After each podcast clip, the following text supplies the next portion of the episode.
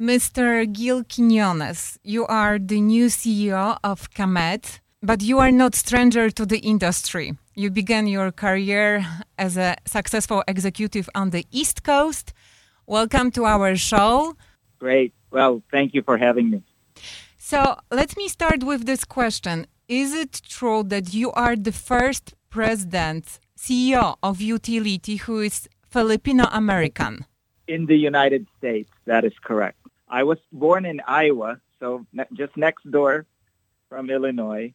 Uh, my parents were both uh, professors and researchers in the University of the Philippines in the field of agriculture. So they did their grad graduate school at Iowa State University in the 60s. Uh, I was born there, but I grew up in the Philippines and did all of my schooling in the Philippines. When my parents returned to the Philippines, I graduated mechanical engineer. And then after I graduated in 1987, I came back to the United States in the New York City metro area. I think your story it could be very inspiring um, for our listeners and readers because we are immigrants from Poland, and your story, your family story, just shows us that everything is possible. Absolutely, you know, and com- coming to New York City uh, from the Philippines after college, uh, working there in the utility in New York City called Consolidated Edison Company of New York, or Con Ed, which is the twin utility of ComEd here in Chicago. Uh, after that, I worked for Mayor Bloomberg right after 9-11, um, Mayor Michael Bloomberg, to help in the rebuilding of New York City.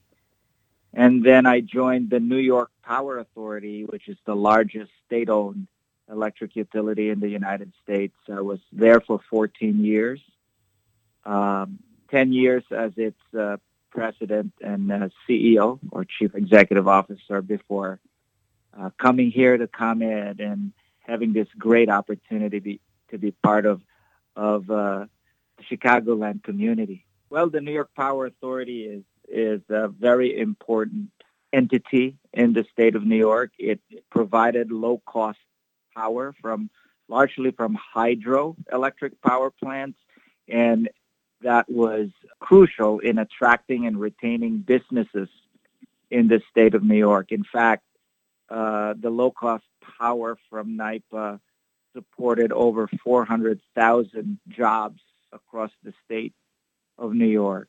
Uh, also owns a third of the big grid, the transmission system in New York, and therefore it was really the backbone that provided reliability of power in the state of New York. Um, so I was very proud of the work that I, I did there. Uh, also in the field of clean energy, energy efficiency, solar, wind. Um, we did a lot of that. And just before I left, we were installing electric vehicle charging stations along the highway system of New York so that New Yorkers don't have to worry where they can charge their electric vehicle and, and make buying uh, an electric vehicle a simpler choice uh, for for everyone. How does the power grid in our state, Illinois, compare to the New York? Well, in Illinois, especially in the ComEd service territory, we're very, very lucky here because our grid is very reliable. If you compare Chicago to other large cities across the U.S., ComEd is at the very top in terms of reliability and resiliency. We're also blessed that our power here is relatively affordable, meaning the electric bills of uh, a ComEd customer is lower compared to other large cities. For example, New York, Los Angeles, Houston, and, and other you know, really large cities across the U.S. Our, our rates and the energy bills are relatively affordable. And then third, electricity that uh, our customers get from our delivery system is about 90 plus carbon free because of all the, the nuclear plants that are uh, installed here in northern Illinois. Mm-hmm. Can you explain to me and our listeners and readers what is the idea of integrated grid? Yeah, so the, the idea of integrated grid is that you know the the old grid or that, that we know about where you have big power plants big transmission lines that you see along the highways and then distribution lines that connect to home and businesses. That is a, a, a one-way uh, flow or one-way traffic, you know, from power plants all the way to homes and businesses. In the future, people will be installing solar panels in the roofs. People will be charging their electric vehicle. There will be battery storage. Uh, and so there will be a lot more equipment and devices connected to the grid that need to be that need to be connected, and that's why we call it uh, an integrated grid because it's now it's no longer just large power plants and large transmission system, but now you have solar farms and wind farms, solar on the roof. You have an electric vehicle in the garage. You have maybe a smart uh, home uh, electric hot water heater and heat pump. So all of these new technologies are all now going to be uh, put together in this electric grid. Mm-hmm. I know this is very complex question, but can you tell me more about your vision for a clean energy future in Illinois? Well, the Illinois passed a legislation Uh, last year and, and made it into law called the Climate Equitable Jobs Act, or CEJA. And the vision of CEJA is to really make sure that the electricity generated in Illinois will be free of greenhouse gas emissions. So at some point, all the fossil fuel plants, coal plants, uh, natural gas plants will retire. And electricity in Illinois will come from solar, will come from wind, will come from the existing nuclear plants. Uh, so that's one part of uh, a, a clean energy system.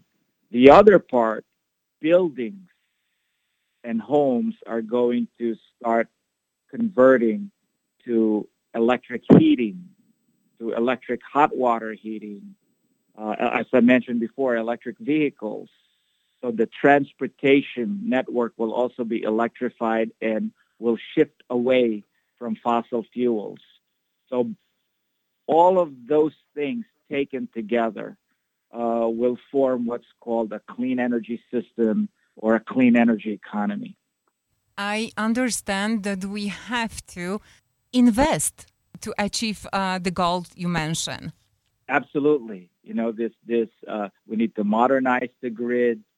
Uh, we need to invest in those new technologies. But the good thing is that it will also create new jobs. There will be a requirement for uh, new workers who are familiar in designing, installing, and maintaining those new technologies, whether they're solar, wind, electric vehicles, charging stations.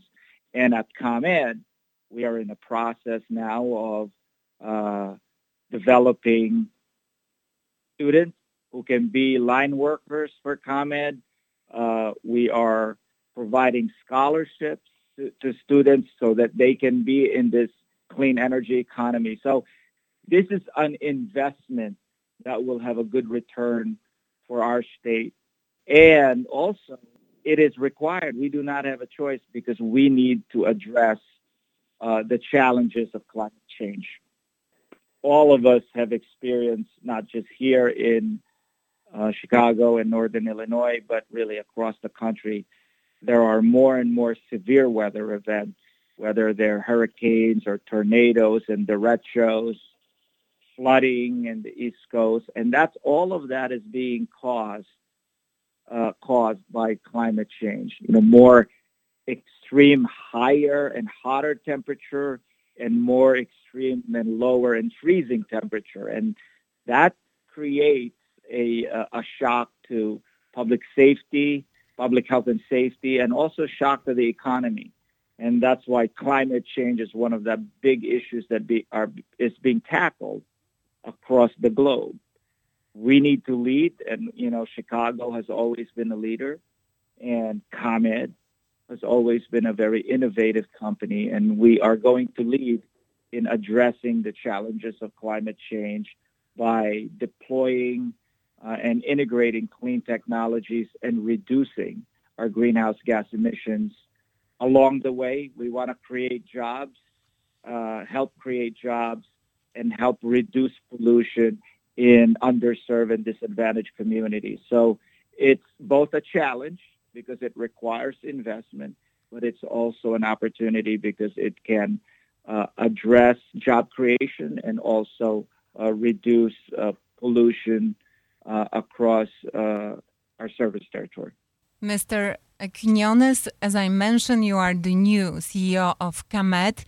It has been, I believe, six years since ComEd has made such a significant change, and I believe that you are you have an important role to play in restoring Illinois residents' trust in ComEd. Yes, my number one priority is to uh, make sure that we operate at the highest standards of ethics and integrity.